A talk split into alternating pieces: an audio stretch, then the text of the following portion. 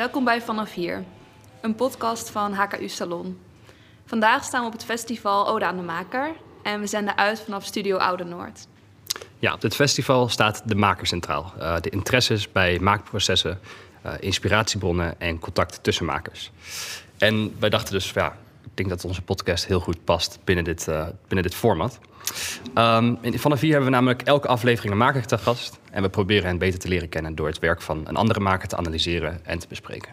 De afleveringen vormen hierdoor een kettingreactie. Uh, iedere aflevering wordt de geanalyseerde maker uit de vorige aflevering uitgenodigd om met ons het werk van een andere maker te bespreken. En deze keer hebben we Menno Zegers te gast, beter bekend als Manny Moore op uh, Instagram. Menno beweegt zichzelf tussen grafisch vormgever en kunstenaar. En hij studeert dit jaar af in de richting grafisch vormgeving aan HKU.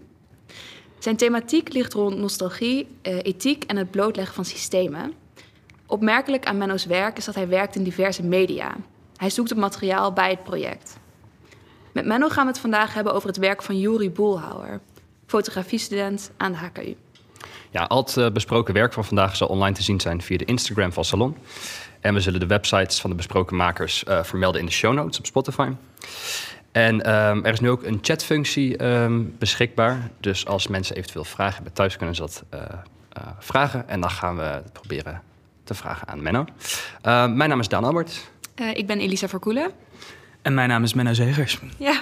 Ja, welkom. Dank jullie wel, dank jullie wel. Thanks voor het uitnodigen. Ja, ja. superleuk dat je mee wilde doen op deze speciale aflevering ook. Ja, um, ik, het voelt wat, wat stressvoller, denk ik, met camera's op je hoofd. Misschien ja. een beetje alsof we bij koffietijd aan de tafel zijn geschoven. op een positieve manier, denk ik. Maar wel leuk. Ja, klopt. Ja. We wilden eigenlijk vragen, heb jij uh, de vorige aflevering geluisterd... waar we met Hanneke over jouw werk uh, spreken? Ja, zeker. En ja. Uh, ja, wat vond je daarvan? Heel erg fijn eigenlijk. Wel, het, het voelde heel erg surreal om een beetje te kijken naar hoe iemand anders, zeker Hanneke en ik kenden elkaar denk ik hiervoor niet per se misschien van gezicht, maar we hebben nooit echt een, een gesprek over werk gehad of überhaupt een gesprek gehad. En om dan iemand van buitenaf een keertje puur over je werk te laten praten, dus puur de, de functie geven om het compleet te, te ontleden, vond ik wel heel erg interessant om te zien. Het merkte gewoon dat dan krijg je eigenlijk een duidelijke blik van wat je werk vertelt op het moment dat je het zelf niet meer in je handen hebt. Ja. Ik merk ja. dat ik zelf heel erg graag vertel over waar ik mee bezig ben, of het misschien af en toe wat over wil uitleggen. En op het moment dat je iemand de ruimte geeft om, uh, om zelf dat een beetje te analyseren, dan, dan merk je eigenlijk wat er daarin werkt en wat er misschien minder duidelijk naar voren komt, waarvan je zelf wel denkt dat het naar voren komt. Ja. Was dat ook uh, kloppend? Ja. Voor jou? Ik, ik denk het op een heel aantal punten wel. Ik vond dat er wel wat interessante vergelijkingen zaten. Vooral eigenlijk wat, wat Hanneke te vertellen had over een bepaalde ruis die binnen beide werken naar voren kwam, vond ik wel heel erg sterk. Ja. Dus dat je zelf herkende. Ja, of, en plus het voelde heel erg als een compliment ook. Gewoon, gewoon fijn dat iemand gewoon de tijd neemt voor je. Ja, ja superleuk om te ja, horen. Ik denk dat als maker inderdaad ook heel erg vaak zit in onze eigen bubbel van het maken. Dus zijn zelf heel erg, we zien het werk elke dag. Dus Ja. Ja. het is een beetje surreal om dan iemand anders mening daar zo... uh, Zonder dat je daar zelf echt in gemengd bent ook. Ja, precies. En met die bubbels vooral. Ik denk dat dat, dat een beetje het ding van de kunstacademie is. is dat je wel natuurlijk zelf in een groep zit van mensen die ook een beetje met het hoofd dezelfde richting opstaan. Op het moment dat je dan de ruimte geeft aan iemand van een andere stroming. Nu is illustratie en grafische vormgeving misschien niet de meest ver van elkaar afliggende de stromingen. Maar tegelijkertijd geeft het wel een soort van andere blik op je, op je werk dan als je het vraagt aan je, je medeklasgenoten of je Ja. medestudenten in Ja. die zin. Ja. Ja, en nu heb jij uh, Jury Boelhouder gekozen om uh, te analyseren voor deze uh, aflevering. Dat was jouw inspiratiebron. Ja, ook weer klopt. heel anders, ook Ja. een fotografiestudent. Ja. Ja, Ik wilde vragen eh, waarom je het werk van Jury hebt gekozen om hier te bespreken. Nou, wat ik zo interessant vond van het werk van Juri, ik zat een beetje te, te scrollen over wat hij, wat hij wil vertellen met het, het werk wat hij maakt. En hij geeft op een of andere speelse manier een, een redelijk voyeuristische kijk op, op een aantal processen. Wat, wat hij met zijn werk vooral doet, denk ik, of vind ik, is eh, een inkijk geven op, op projecten of processen die je misschien niet mag zien. Of, of het, het, het zorgt ervoor. Het, het, het daagt een beetje uit om te, te kijken. Het, het daagt uit om, te, om een voyeuristische positie aan te nemen. Vooral en in wat een. bedoel je dan met voyeuristisch? Nou, het- het- als een vlieg op de muur te mogen kijken naar iets waar je misschien helemaal geen, geen affiliatie mee hebt of zo. Ja. Waar ik heel erg naar terug wou refereren eigenlijk daarmee is een werk wat hij had ge- gemaakt over eh, zijn gestolen telefoon. Wat ik wel heel erg Ja, indrukwekkend daar wilden we vond. het ook nog even over hebben, inderdaad. Ja. Hij, koos er, hij heeft ervoor gekozen om een keertje in ieder geval zijn telefoon was gestolen. En toen heeft hij eh, uit het niets kreeg je berichten op zijn iCloud volgens mij dat er allemaal dingen Ja, werden geüpload. Zijn ook. Dropbox Ja. inderdaad. En eh, daar kwamen allemaal foto's binnen van de persoon die dus de- zijn telefoon had gejat. En die bleef de hele tijd maar dingen uploaden en uploaden, waardoor hij zichzelf als een soort van... Ja, het voelde bijna als een soort van parasiet plant in het leven van de Ja. persoon die zijn telefoon had gejat. En dat is zo indrukwekkend om te zien hoe eigenlijk iemand die jou iets aandoet, om daar een soort van sympathie voor te kweken naarmate je gewoon steeds meer informatie over die persoon ontvangt. En Ja. een soort van jezelf ook deel ma- uitmaakt van het leven van zo'n persoon terwijl je hem niet kent en hij eigenlijk alleen maar iets kwalijks tegenover jou heeft Ja. gedaan. Dat op die manier dat die relatie aangaan met iets wat, wat in principe je ook gewoon had kunnen laten, dat vind ik een hele interessante benadering. Want Is hij, dat, is dat ook iets wat terugkomt in jouw werk? Die manier van benaderen? Ehm, Of Nou, misschien in je interessegebied ergens? binnen, ja, het, het zorgt er wel voor dat ik af en toe stil wil staan bij, bij hoe je op een andere manier misschien richting systemen kan keren. Dus Hm. het, het omdraaien van iets wat misschien voor de hand zou liggen. Of Ja. zo. Ja. Ja, nee, Maar de- heb je bij fotografie vrijwel per definitie bijna eh, een voyeuristisch iets, omdat het natuurlijk heel erg eh, beschouwend iets is. Eh, Ja. Heb je dat ook bij grafisch? Hoe, ehm, hoe, ja, hoe vertaal je die voyeuristische blik naar grafisch toe dan? Of naar je eigen projecten? Eh, nou, het, het ding wat ik zelf bijvoorbeeld heel erg merk... is dat ik ook af en toe wat fluïde durf te zijn... binnen de projecten die ik aan het Ja. doen ben. Ik, werk, eh, ik heb ooit een project gedaan waarin ik een paar weken lang... alleen maar foto's nam van vrienden om me heen die uit aan het gaan waren. En ik probeerde een soort van verhaal te creëren... waarin de ene vriend zou overlopen en de andere vriend... waardoor je eigenlijk een, een soort van doorvloeiend verhaal van het vieren van de nacht zou krijgen daarin. En het, het was op een, een zo'n manier ge, geprojecteerd in mijn optiek dan, dat het ging over dat jij mijn positie aan zou mogen nemen. Dus dat jij jezelf in mijn schoenen zou neerzetten. En ik denk dat dat de, de, de aansluiting kan zijn. En ik denk dat dat op een bepaalde manier is waardoor ik Juris werk zo interessant vind ja. een methode die hij ook toepast, waar ik ook zelf wel interesse voor heb, is het, het pure losse erop uit durven te gaan. Hij gaf aan dat hij de, de natuur als zijn eigen speelgrond wil zien. Mhm. Mhm. En dat hij wel eens de keuze maakt om gewoon s'avonds urenlang te gaan fietsen en foto's te maken met natuurlijk licht of zelf ge- gesche- geschept licht. En Ja. die manier van kijken wat je tegemoet gaat komen, een soort van vrolijke manier vinden in, in wat je tegemoet gaat komen, dat, dat vind ik heel erg indrukwekkend. Dat vind ik, nou, dat, dat vind ik heel erg fijn eigenlijk. Dat, dat voelt Ja. heel erg alsof je de ruimte geeft om eigenlijk alles wat je tegemoet kan komen, je, gewoon accepteert voor wat het is. Op een bepaalde manier kom je ook dichter bij degene te staan die dichter bij de maker eigenlijk als toeschouwer van het werk, zeg maar. Denk ik. Omdat zie je, je zo, omdat Jury dan, hij gaat, hij gaat gewoon fietsen en hij gaat rondkijken en hij fotografeert dat. Want het is eigenlijk op een hele manier, op een manier heel dichtbij. Het is niet alsof hij eerst op, op, die, ja, op dat moment dan een heel proces blootlegt eerst en helemaal daarin gaat. Het is echt heel, heel erg hoe Jury, hoe hij de wereld ziet, bedoel je? Ja, het is natuurlijk ook zo. Juri is fotograaf en hij gebruikt eigenlijk altijd maar eh, ja, één medium. Hij fotografeert. Op welk moment in het maakproces kies je er dan voor welk medium je gaat gebruiken? Verschilt dat of ligt dat meestal meer in het begin? Of, ja. Ik denk dat het vanaf het begin al wel duidelijk is. Is dat op, ik kies vaak een te groot thema, iets wat ik eigenlijk niet helemaal kan vastleggen. ja, Bijvoorbeeld, eh, ik ben nu bezig met tijdloosheid. Dat voelt echt als een onderwerp. Als ik dat helemaal wil vastpakken, dan is dat alsof ik de heilige graal in Ja. mijn handen heb. Right, ja, ja, succes. Ja, dat, dat, dat, dat is gewoon te groot. Maar als je het dan persoonlijker gaat maken, dan, komt dat al veel, dan maak je het al veel kleiner. Als je het gewoon gaat kijken van... hé, hey, hoe kijk ik er tegenaan? Hoe, hoe gaan mensen om me heen die relatie aan met tijdloosheid? Ja. ja. Op het moment dat ik daarin verhalen ga verzamelen... of voor mezelf een verhaal ga creëren... dan spookt er vanzelf wel een, een manier hoe ik dit vast wil leggen in mijn hoofd. Ja, precies. Ja. Of het, ja, wat er ook wel eens gebeurt, is dat er.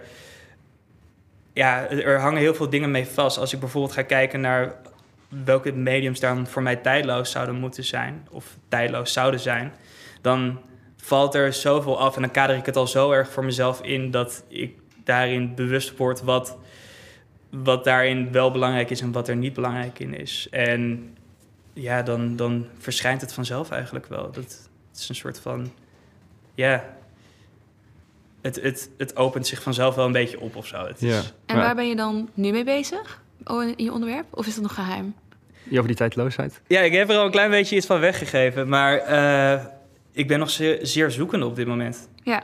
Dus ik, ik ben nog heel erg onderzoekende van wat, wat geeft de juiste reactie op? Wat wil ik daarmee weggeven, wat niet? Uh, heb je al een idee wat voor soorten media daarbij zouden kunnen passen? Of? Verschillende, maar daar wil ik eigenlijk nog niet te veel van weggeven. Nee, snap Dan ik ook. van een graduation show op een gegeven moment komen. Nee, uh, nee snap ik. Ik weet niet, ik, ik, ik vind dat op dit moment nog een beetje te vroeg om er echt gewoon diep op in te gaan. Ja. Misschien de volgende aflevering als je toch als ik nog volgende keer, als je weer te gast bent. ja. Um, in, in Joris werk sluimert heel vaak de interesse naar de digitale wereld uh, in combinatie met de natuur uh, naar boven. En dat zie je nu best wel veel projecten die je doet. Uh, komt dat terug? Is er denk je een, een, rode draad die terugkomt in jouw werk? Of iets wat jouw werk soort van kan omschrijven? Um, ja, ik denk dat er een, een drang is binnen mijn werk om om eigenlijk uh, nostalgie op een... Nou ja, wat er soms terugkomt, wat wel een, een draad is die terugkerend is, is uh, een relatie die ik wil aangaan met de mens zelf. Dus ik, op het moment dat ik een werk groter maak, dan wil ik er altijd een, een klein stukje mensen bij betrekken. Dus dat het niet per se alleen maar over mij hoeft te gaan, maar dat ik ook de relatie aanga met de, de mensen om me heen, of juist mensen die ik totaal niet ken. Ik heb bijvoorbeeld uh, een tijdje geleden heb ik een maand lang iedere dag een persoon uitgenodigd, of in ieder geval op, op straat aangesproken, een gesprek met ze gevoerd en daarop gebaseerd een letter of een letter-icoonachtig beeld voor ze gecreëerd binnen één dag als een cadeau terug aan de mensen voor wat ze mij terug hebben gegeven. Dus die, die relatie aangaan of dat gesprek aangaan, dat vind ik heel erg heel erg indrukwekkend. Omdat je, je begint een dag, je weet niet precies wat er gaat gebeuren, maar je krijgt altijd een soort van cadeau daarin terug. Ja. En dat levert zoveel diversiteit op aan, aan mogelijkheden en aan werk en aan verhaaltjes die je gewoon bij elkaar kan verzamelen. Dat dat eigenlijk echt als een groot cadeau voelt. En zeker als je dan terugkijkt naar zo'n maand, al die werken te hebben gemaakt, dan, dan, dan heb je eigenlijk een heel boek aan verhalen verzameld of zo. Ja.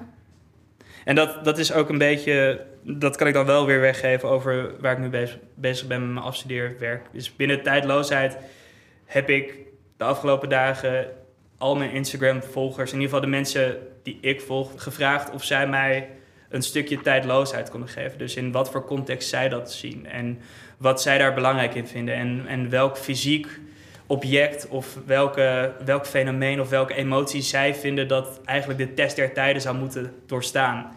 En ik heb daar zo gigantisch veel uiteenlopende antwoorden op gekregen. Maar dat is zo prachtig om te zien hoe mensen daarin los durven te gaan in plaats van gewoon heel erg simpel antwoord te durven geven. Het is, en ook alle simpele antwoorden zijn daarin ook gewoon sterk hoor. Want op het moment dat je ervoor kiest dat liefde hetgene is waarvan jij vindt dat het altijd zou moeten blijven bestaan. Wie ben ik om te zeggen dat het niet waar is? Ja. Dat is ook natuurlijk iets super machtigs. Het is een super groot begrip. Maar wel ook iets moois om te, om te vertellen.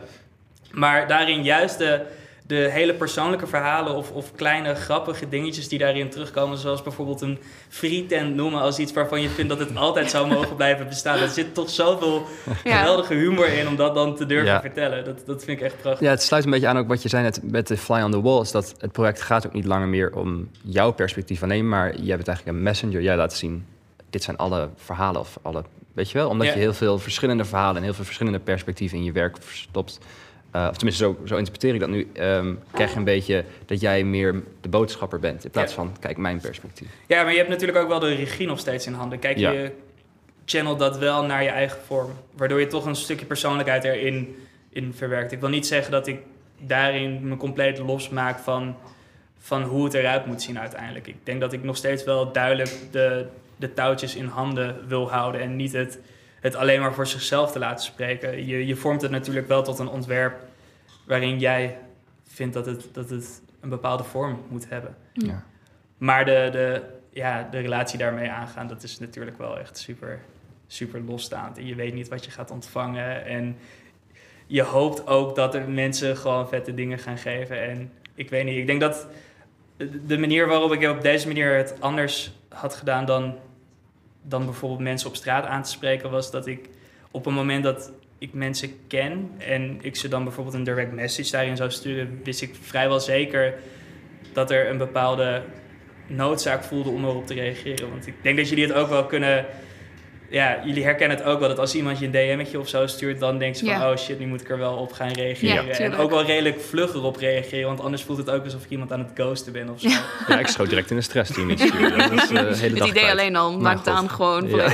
Dan had jij gekozen.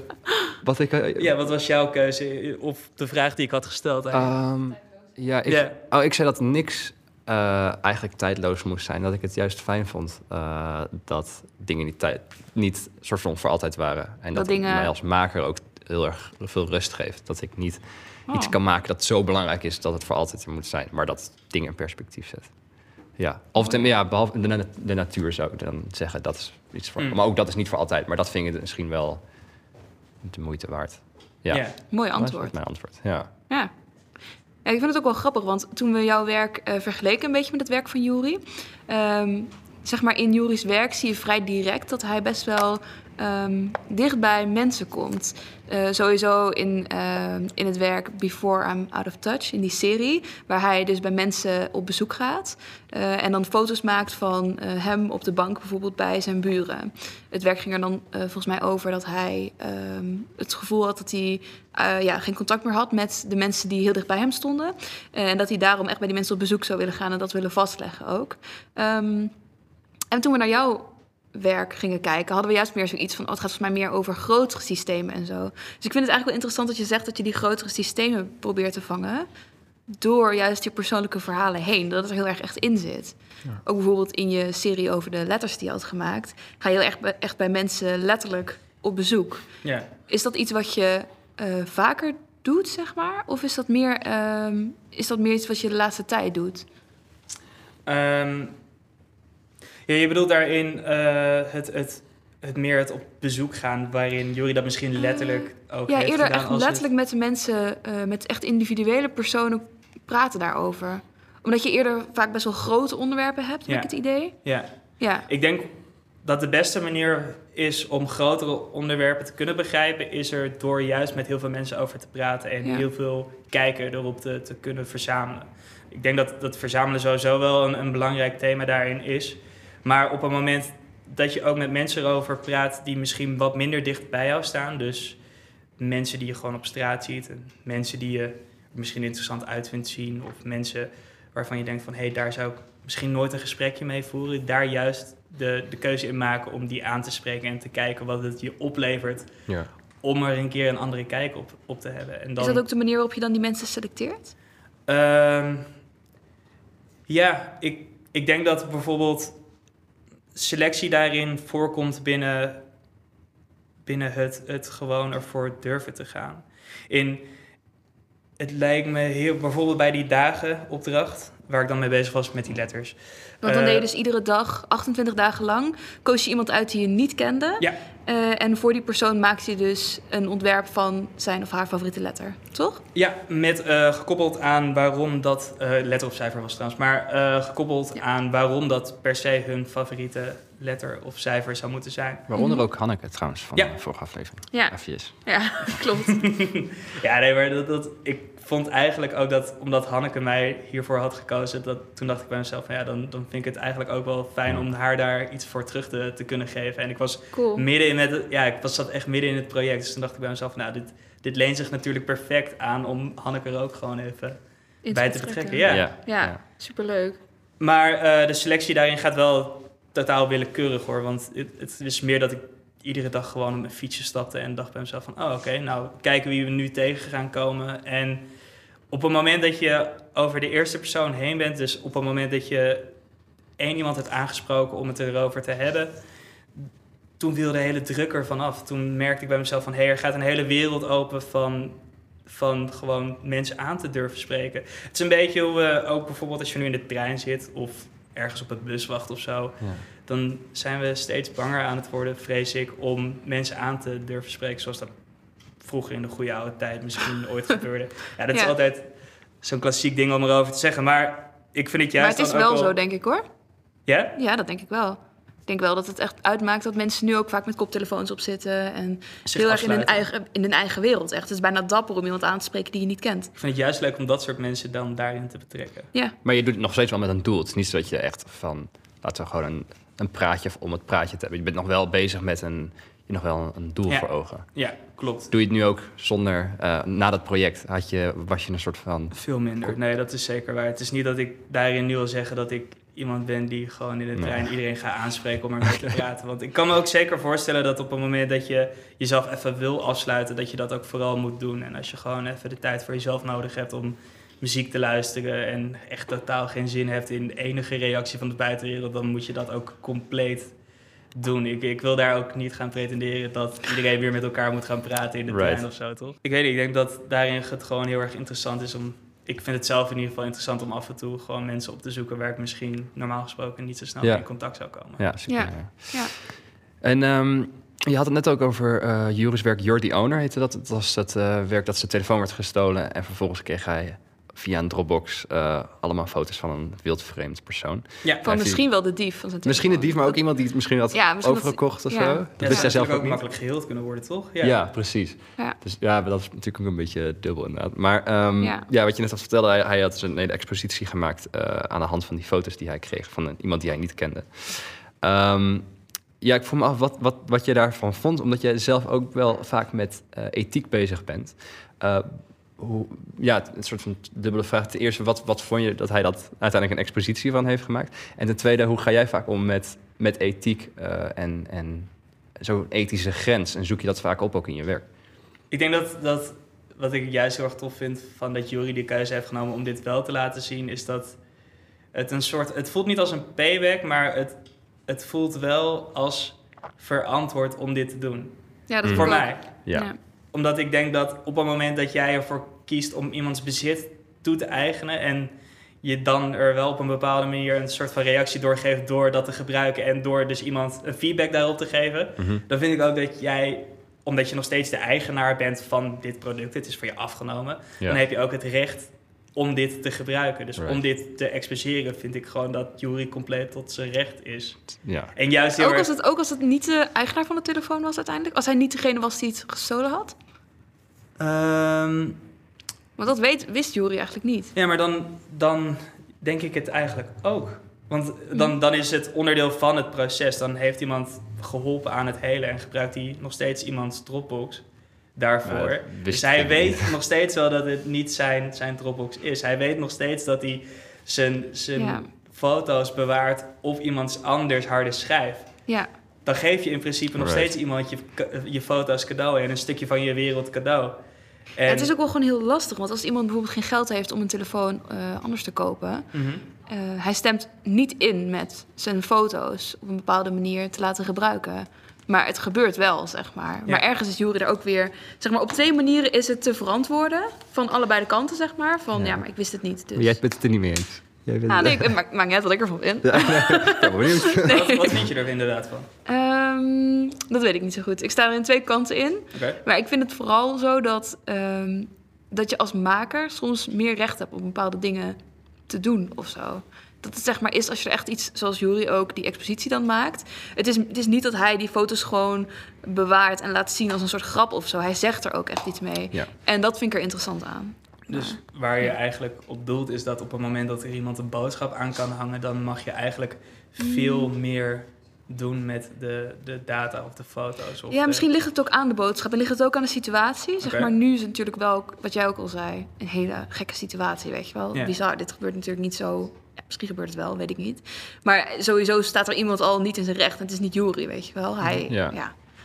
Het Maar doel, het doel heiligt de, de middelen een beetje. Het is er van, hij, ja. Want het was niet alleen maar een, een, een payback of zo. Eh, het was, ja, niet dat je dat zei, maar het, het was ook, het ging ook over van zodra je een smartphone gebruikt, wat is dan nog je privacy? En dan is eigenlijk per definitie alles om foto's die je maakt. Het gaat zijn echt over meer jou. dan alleen maar iemands foto's laten zien of zo. Ja, wel. precies. Je vertelt echt een verhaal. Ja, En ik denk niet dat er een betere manier is om, dat, om dit verhaal te vertellen dan op deze manier. Snap je wat ik bedoel? Het is Ja. zo de uitgelezen kans daarvoor. En wat ik ook wel heel erg mooi vond aan het verhaal is dat hij ervoor koos om het leven van degene die zijn telefoon had gestolen, of gestolen tussen aanhalingstekens, je Mhm. weet het natuurlijk niet, te gaan beleven. Hij koos er dus voor om op locaties te komen waar de foto's waren genomen, om ja. eigenlijk een beetje Ja. in de voetsporen te treden van deze persoon. Ja. Wat, echt heel vet. wat wel vet is en ook eigenlijk, eh, ja, het, het, is een beetje smerig op een goede manier. ik, vind, ik vind het wel, het, het voelt een beetje lichtelijk pervers, maar wel op een, op een accepteerbare manier of zo. Juist. Ik wil er wel bij zijn, zeg maar. Zo voelt Ja. het. Ja, ja, ja. Ik keur het goed zo, ja. Ja, ja.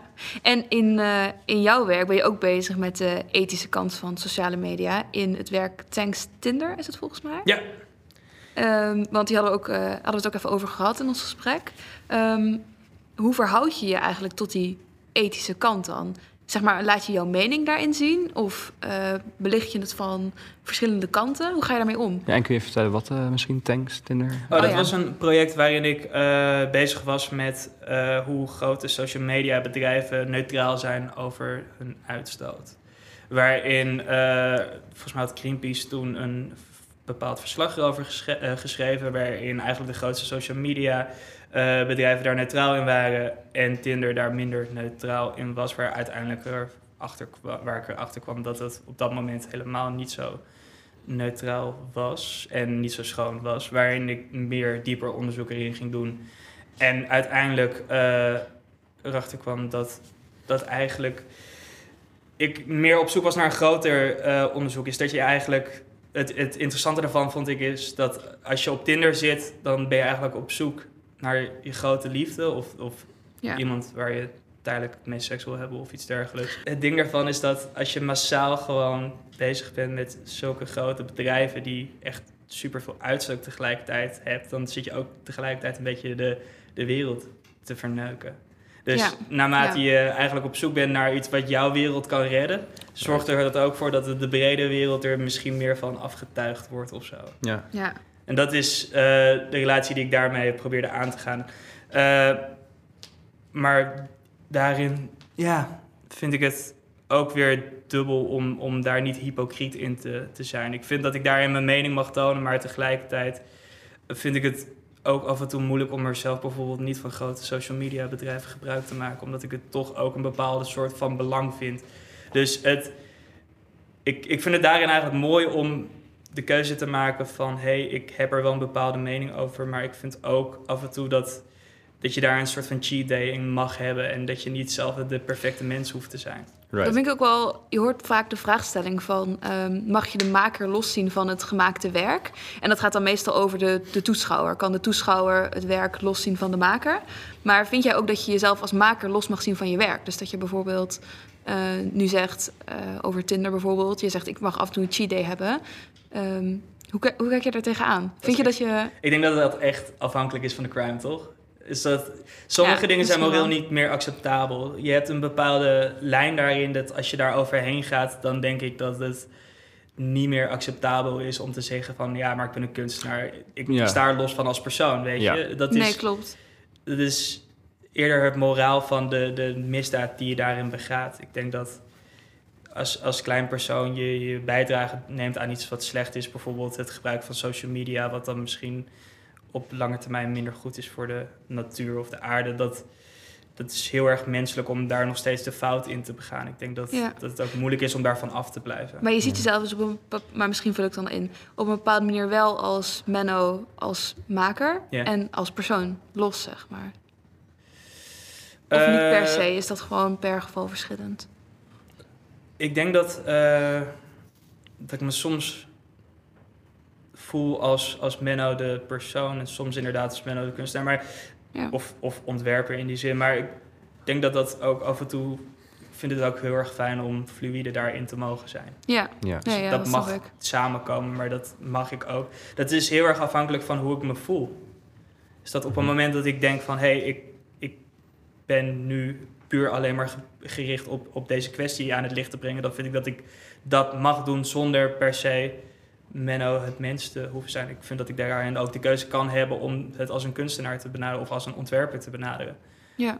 Maar soms wil ik me er ook gewoon van distancieren. Ehm, je had op je eigen website ook al eh, staat dat je eh, veel bezig bent met subliminal messaging eh, in je werk. Ehm, Kun je even uitleggen ehm, wat dat is, misschien?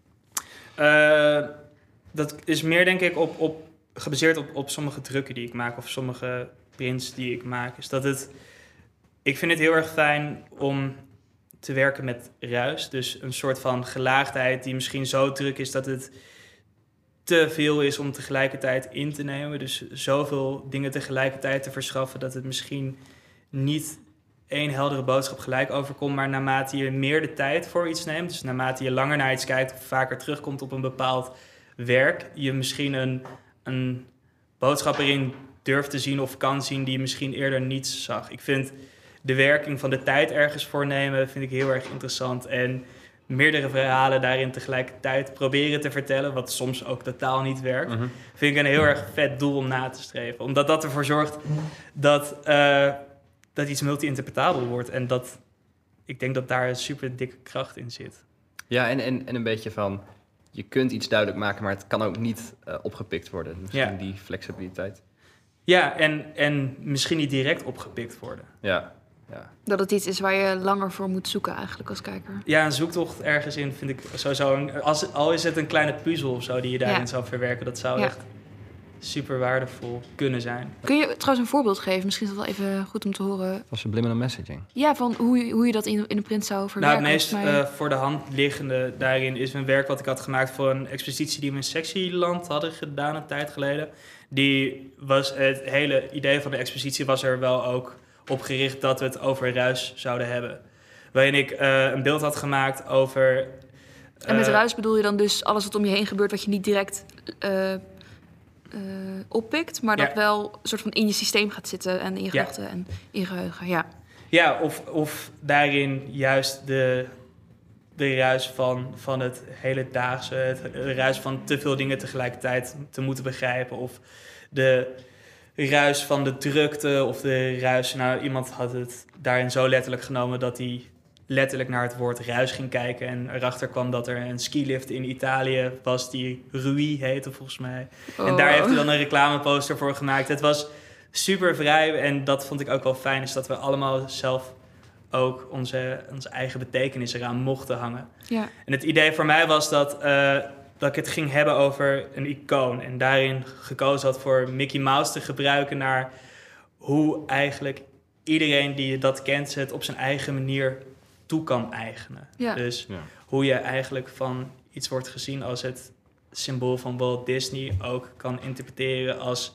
Ja, er er waren, ik was een soort van konijnengat ingegaan nadat ik een, een video had gecheckt hierover.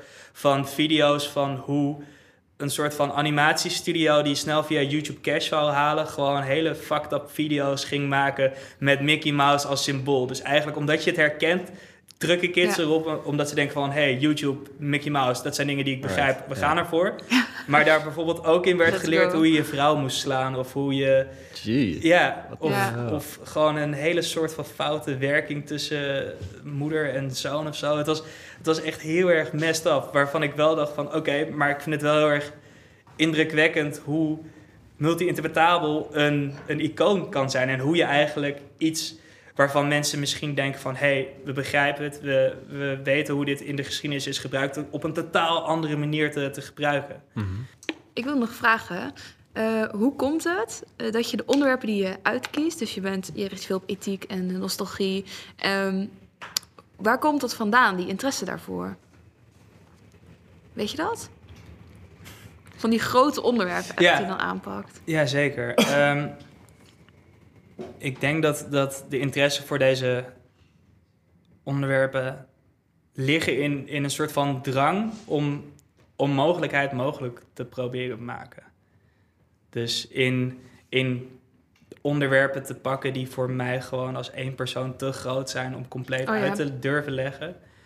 En het dan behapbaar proberen te maken. Al is het maar een klein beetje, weet je wel. Of al is het maar een klein beetje grip krijgen op de situatie. ja. Zorgt dat ervoor dat het voor mij voor heel veel comfort zorgt binnen mijn werk. Dus ja. voor mij voor heel veel ruimte zorgt om vrij te durven nadenken over dingen die voor mij als persoon te groot zijn om zelf alleen maar over na te hoeven denken. Dat is denk ik ook misschien een reden waarom ik er graag mensen bij betrek. Is dat dat ervoor zorgt dat buiten dat ik mijn eigen visie erop gooi, dat ik ook denk van hé, hey, maar hoe kijken andere mensen erop? En hoe maak ik het daardoor ook wat behapbaarder voor mezelf? Ja. we hebben het er keer ook even met Hanneke over deze vraag gehad, een beetje.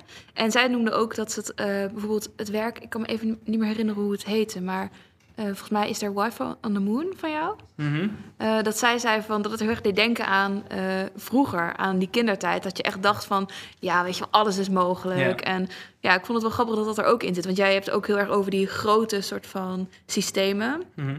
En zij had het dan eerder ook over soort van herinneringen als kind, weet je wel. En die dan werden opgeroepen door, door jouw werk ook. Ja, het, wat, wat Hanneke inderdaad goed vertelde daarover, is dat het gaat over hoe je als, als kind een soort van positieve kijk op de technologische ontwikkelingen krijgt, weet je wel. En naarmate je ouder en misschien wat nuchterder wordt of zo, dan krijg je steeds meer de, de boodschap mee dat het gewoon gerund wordt door grote bedrijven die vooral op geld uit zijn en op een eigen hachje te redden uit zijn. Ja, Terwijl het af en toe gewoon heel erg fijn is om terug te durven vallen in die nostalgische waarde ervan. Dus terug te vallen op in die kinderlijke, met die- die kinderlijke blik ook in die hè? kinderlijke blik inderdaad. Om gewoon het, het, het wat speelser aan te durven pakken en te kijken van... hé, hey, maar misschien zijn we niet allemaal fucked. Misschien moeten we niet alleen maar nihilistisch kijken naar de toekomst... maar misschien kunnen we er op een bepaalde manier toch nog iets goeds van maken... in plaats van alleen maar denken dat, dat het allemaal minder menselijk gaat worden... en meer Ja. overgenomen gaat worden door de grote computers en de grote bedrijven. Is dat Ja. iets waar je naar op zoek bent? Die, dat soort van kinderlijke perspectief dan nog? Of die kinderlijke hoop mm, bijna? Nou, ik denk dat, dat kinderlijkheid daar niet per se aan gekoppeld hoeft te worden. Maar ik denk dat hoop sowieso. Het is iets een interessant middel om het ook te bereiken, denk ik. Ook Ja. die kinderlijke blik in jouw werk. Ja. Maar hoop is sowieso iets, iets belangrijks wel. Ik denk dat dat iets is waar ik altijd mee een beetje probeer te worstelen. Want het is soms moeilijk om het te behouden. Maar het is wel vet op een moment dat je het toch nog durft te doen. Ja. Want Ik denk dat het, het hoop durven te hebben, zeker op een moment dat er zoveel pessimisme om je heen is, dat dat gewoon. Ja, wat je ook altijd opzoekt met je projecten wel. Ja. Vaak die, die systemen, die... ja. Ja, Ja, ja, niet te veel in de zwaarte te gaan zitten, maar het juist gewoon af en toe wel lekker los te durven laten of zo. Ja. ja. Ik eh, vroeg me af of we nog eh, via Instagram misschien... eh, of Ehm. Instagram via eh, Vimeo eh, vragen. Er was één de- comment binnengekomen. Oh. Er stond, oh my god Elisa, I'm your biggest fan. Van eh, X Elisa Lover 2006 X. Dus ik moet zeggen dat ik vereerd ben. er is geen verdere... Wat vind je daarvan? nou. Nee, maar dat, dat snap ik wel. Ja. Ja, ja. Ehm, we wilden vragen of jij een inspiratiebron voor ons had meegenomen. Eigenlijk om aan de luisteraar, nu ook dan de kijker, eh, te vertellen. Iemand die je interessant vond, of een werk, of een expo waar je door een artiest bent. of eh, muzikant. eh, Ja, is alles zijn. voor mij mijn, grote, mijn grootste voorbeeld eigenlijk is eh, de design agency MM uit Parijs. Hmm. Mhm. Dat is eh, een collectief van twee gasten die elkaar echt al way back kennen, maar heel erg goed op elkaar aangesloten zijn en heel erg hun eigen vormtaal kunnen, kunnen projecteren op wat ze vet vinden. Dus dat ze super fluïde zijn in wat ze voor medium gebruiken of welke kansen opgaan. Ze doen zowel fashion als, als gewoon boeken maken. Ze, doen, eh, ze hebben een keertje een opera gemaakt. Ze maken Oh, wow. films. Ze mengen beeld met fotografie en, en illustratie en digitale innovatie tegelijkertijd. Het is zo divers in, in wat ze doen. En tegelijkertijd merk je altijd dat zij het zijn. Ja, ze kunnen eigen vinger... eh, Die handdruk zit er zo, of die handtekening zit er zo duidelijk in gebonden. En ze zijn zo trots, denk ik, eigenlijk ook in de verschillende mogelijkheden die ze aanpakken. En de verschillende mediums die ze gebruiken. Dat dat voor mij eigenlijk altijd als grootste. In ieder geval, ik, ik ben er een paar jaar geleden pas voor het eerst mee geconfronteerd. Maar wel echt een van mijn grootste inspiraties binnen de designwereld op dit moment. Is het iets waar je cool. die kant ook op zou willen gaan? Juist zo'n breed mogelijk palet aan, aan media? Dat je wil dat 100%. blijven vasthouden? Ja, als ik een droom voor mezelf mag neerstellen, Dan dan, zie ik me over 15 jaar gewoon met een, een eigen, eigen studio vol met diversiteit aan, aan mensen die, die gewoon andere dingen durven te brengen. Dus mensen die ik omheen zou kunnen verzamelen die van verschillende richtingen komen, waardoor je eigenlijk jezelf alleen maar rijk maakt aan mogelijkheden dan dat je jezelf in één hokje zou verstoppen. Ja. Is Ja. Er, en is er ook veel vraag naar? Want ik kan me ook voorstellen dat er juist vraag naar is naar eh, specialiteit. Naar Mhm. men- dat je naar een studio één ding kan en een studio gaat naar... Of iemand, een klant gaat naar een studio en die zegt... ik wil dit van jullie, want hier staan jullie op bekend. Ik denk Ja. dat dat los kan staan, dat dat medium het juist kan uitdragen. Ja. Dat het eerder ligt in iets wat je vraagt, een, een onderwerp dat je bijvoorbeeld vraagt iemand of een doel. Ja. En dat daar het medium misschien ook, maar misschien vul ik dan voor Ja. je in. Maar... Ik denk dat ik dat dat inderdaad vaak misschien wordt ge- gevraagd, maar ik, lijkt me, het lijkt mij persoonlijk heel erg vet om juist zo'n bepaalde naam te, te creëren dat het mm, specialisatie misschien op compleet diverse vlakken mag zijn. En dat Ja. het misschien niet per se gaat over, oké, deze mensen die zijn echt alleen maar ha- hardcore type-achtig, maar de, Ja, dat het ook kan gaan over deze mensen die, die kunnen deze campagne vooral gewoon goed op een eigen manier weergeven. En dan, dan hoeft het misschien niet per se over één specifieke specialisatie te gaan, maar meer over, over de rijkheid die de studio dan heeft aan, aan eigen identiteit. Ja. Ja. Alright. ja volgens, mij, volgens mij was het wel een mooi afrondend antwoord ook. Ja? Ja. Bedankt voor het eh, gesprek, Menno. Ja, super. Dank jullie wel. Ja, graag gedaan. Ik wil even zeggen tegen de kijkers en ook tegen de luisteraars... als je nu meer wil weten over het werk van Menno of van Juri... ehm, dan, ja, als deze aflevering op Spotify komt uiteindelijk... zorgen we ook dat het werk van Juri en van Menno... op eh, de Instagram van Salon te bekijken is. Ehm, kijk ook eventjes in de show notes dan... voor linkjes naar het werk van Juri en van Menno. Ehm, of jullie kunnen dan... eh, ja, of naar de Instagram van Salon dus. Ja, als je nog, eh, nog vragen hebt ehm, over de podcast, ehm, dan kun je het mailen naar uh, vragenvanafhier.gmail.com. Ehm, als, uh, en als je alvast vragen aan Jury hebt, dan, dan kun je die ook mailen, want dan gaan we die vragen aan hem. Ja, die gaan we dus de volgende keer interviewen. Ja. ja. Um, deze podcast is mede mogelijk gemaakt door HKU Salon. De artwork van de podcast is gemaakt door Tom van Os. Roman Kuskoen, bedankt voor je goede hulp. En Arja Veerman, bedankt dat we vandaag uitgenodigd zijn. Ja, bedankt voor het luisteren en uh, graag tot de volgende keer.